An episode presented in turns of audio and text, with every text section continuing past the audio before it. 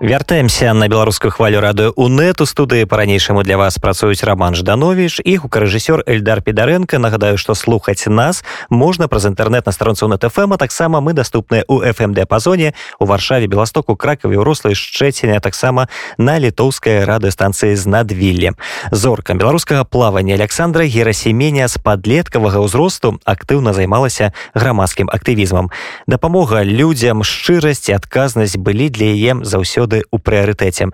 Таму яна проста не ўяўляем, як можна застацца ў баку ці падтрымліваць карніцкі рэжым, калі твой народ гвалтуюць. Сёння чэмпіёнка свету і шматразовая алімпійская прызёрка жыве ў выгнанні праз палітычны пераслед, але яна няспынна рухаецца да галоўнай сваёй мэты гэта перамога вольнай дэмакратычнай беларусе жаноцкая і нескаронная александра ерасеменя ў праграме неверагодная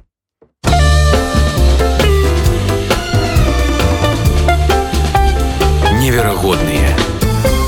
Я Александра Герасименя, чемпионка мира, трехкратный призер Олимпийских игр по плаванию. В спорт я попала абсолютно случайно, точнее в плавание попала абсолютно случайно, так как родители у меня сами спортсмены, и, в общем-то, судьба была у меня уже пред определена. И еще, наверное, пару лет и меня бы отвели в легкую атлетику. Но выпал случай, и мне посчастливилось попасть в бассейн. Мой друг пригласил меня в школе пойти вместе с ним в секцию плавания. И я нисколько не задумываясь, потому что я очень любила плавать. Взяла все, что у меня было на тот момент. Шапочку такую еще в таких кубрышках, помню, как раньше бабушки носили, купальник какой-то на завязочках, и просто побежала в бассейн. А там как раз проходил отбор в секцию, спортивную секцию, и таким образом как бы я совершенно случайно, но попал на этот отбор, и хоть я уже отставала на год, то есть это были дети младше меня, меня все равно взяли, ну, видимо, не зря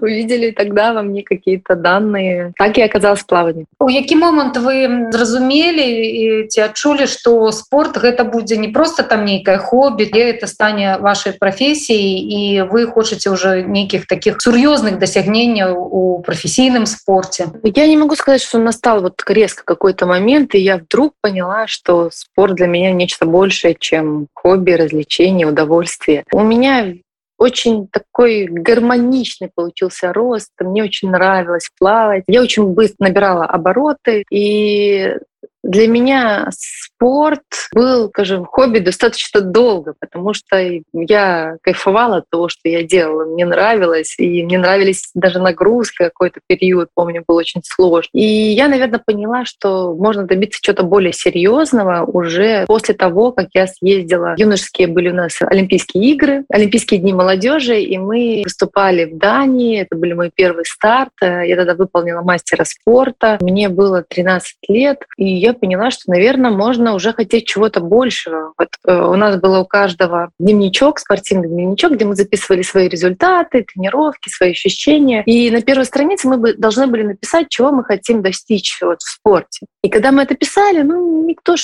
ну, как бы не знал, не понимал, не разбирался. Ну, я тогда написала, что вот мне казалось уже выше края. Я написала, хочу стать мастером спорта. И когда этот момент наступил, когда я уже стала мастером спорта, я поняла, что, оказывается, это совсем не край, это только начало, а дальше еще самое интересное впереди. И вот после того момента я уже начинала понимать, что я хочу оставаться в спорте, я хочу достигать высоких результатов, я хочу сражаться уже на международном уровне и достигать, скажем, высот уже там, не только в Беларуси. Ну, наверное, это был такой какой-то рубеж, когда вот я уже перешла, скажем, из детского спорта, детского сознания в более уже взрослое понимание того, что, чего можно достичь. Я помню, что мне как раз э, было еще 13-14 лет, уже точно не помню, и меня приобщили к, э, скажем, общему такому благотворительному движению. Мечты сбываются. Мы тогда ездили с различными депутатами, известными людьми в детские дома, э, общались с детьми, общались с скажем, пожилыми людьми, организовывали праздники. И в тот момент я поняла, насколько это важно. Важно почему? Ты являешься ну, своеобразным таким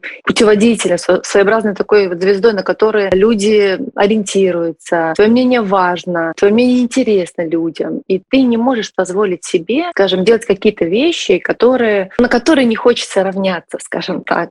Поэтому хочешь, не хочешь, ты сам себя внутренне должен удерживать на такой высокой планке. Это раз. Во-вторых, э, мне очень нравилось всегда общение. Я никогда не делила людей на какие-то ранги. Там, кто-то лучше, кто-то хуже. Нет таких людей, нет таких профессий, худших, лучших. То есть каждый занимается тем, чем он умеет. А я прекрасно общаюсь э, и общалась, и общаюсь с людьми, скажем так. Поэтому для меня вовлеченность в общественную жизнь, она всегда была достаточно интересна и являлась моей, скажем, такой гражданской позицией. То есть я считала это своим долгом. И если ты чего-то достиг в своей профессии, если ты известный человек, если на тебя равняются, ну, пожалуйста, соответствуй этому. Старайся помогать людям, старайся помимо своей профессии сделать что-то еще, чтобы принесло пользу. Так, по сути, кроме того, что мы достигаем, скажем, определенных успехов и поднимаем уровень, поднимаем имидж страны, ведь непосредственную пользу как бы мы не приносим людям, вот пользу людям, конкретному человеку. Я хочу, чтобы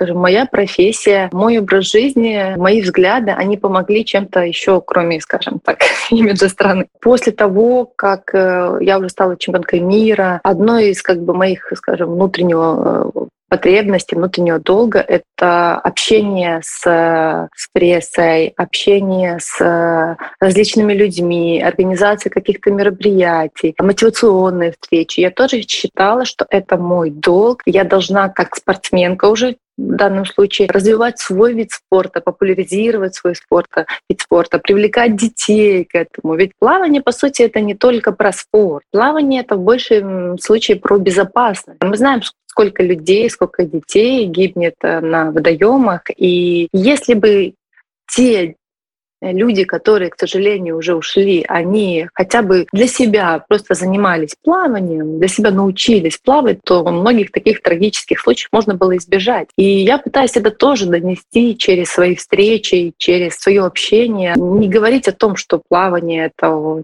высоты, это там, Олимпийские игры, хотя это тоже, конечно, очень зажигает. Ну, как детей еще мотивировать, кроме как рассказом о том, какие они, что там интересного, какая жизнь у спортсмена. А, но ведь не каждый сможет стать олимпийским чемпионом, правильно? Мы же понимаем Но каждый может сделать свою жизнь здоровее, и каждый может сделать ее немножко безопаснее. У вас приватная школа, то бок вы занимаетесь усім, что вы любите и робите это паспяхова. И вось наступает 2020 год и вся гэтая ваша бездакорная репутация и вельмі якасное жыццё у адначасе становится по за законам то бок вы рызыкнули усім шкадуеце вы об этом? Нет нисколько.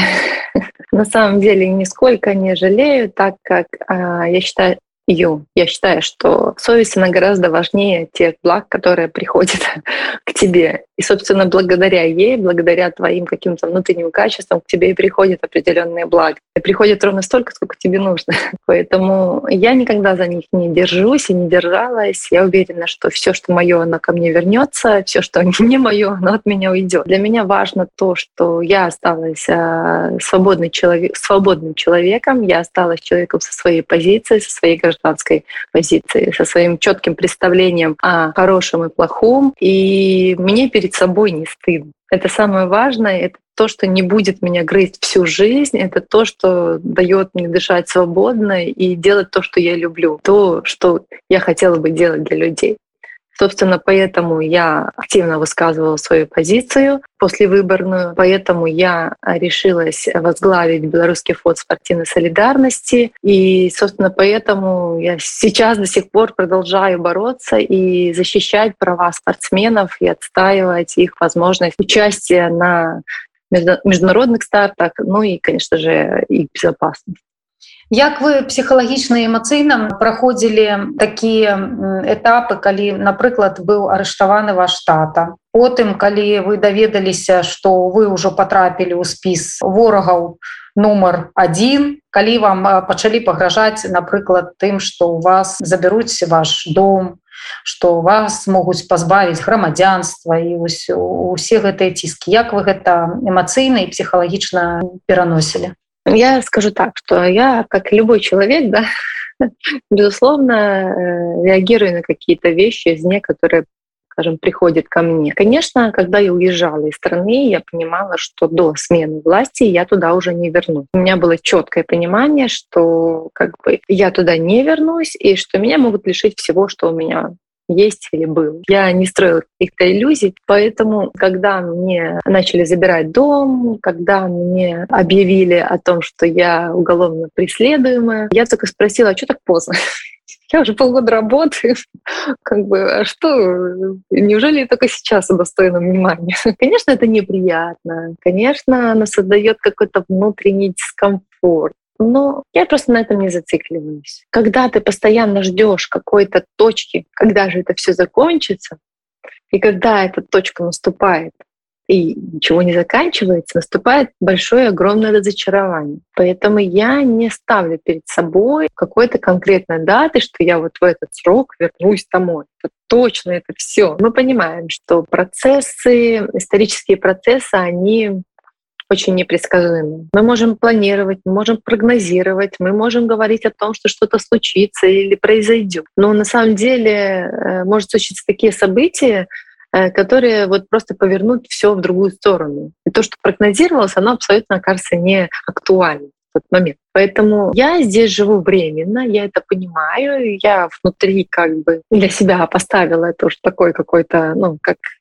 как должное, что я здесь, я временно, и я вернусь в свою страну. Я хочу жить в Беларуси, а, я хочу заниматься своим любимым делом в Беларуси, я хочу, скажем, отдать, дать, скажем так, своей стране, своим знаниям, своим опытом, своим, скажем, трудом. И я это сделаю когда вернусь. Когда это произойдет, ну, я думаю, как и многие тысячи людей, а может и не тысячи, уже и больше ждут этого момента. Я уверена, что мы этого дождемся, скажем. Я не не сдаюсь, как бы вся команда понимает, что это как в спорте, как такой длительный марафон. Мы хотели, чтобы это был такой короткий спринт, чуть-чуть напрячься так активно, как бы максимально включиться и раз, и дойти до финиша. Ну, так не получилось. Хорошо, значит, пойдем другим путем. Значит, марафон. Значит, мы будем такими мелкими, скажем, перебежками, давлением, как бы активным участием, потихоньку, потихоньку долбить, долбить для того, чтобы случилось, э, скажем, то, чего мы активно так ждем. Поэтому когда будет эта финишная черта,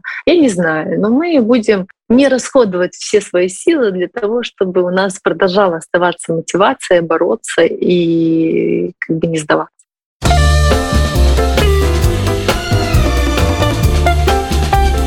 Неверагодныя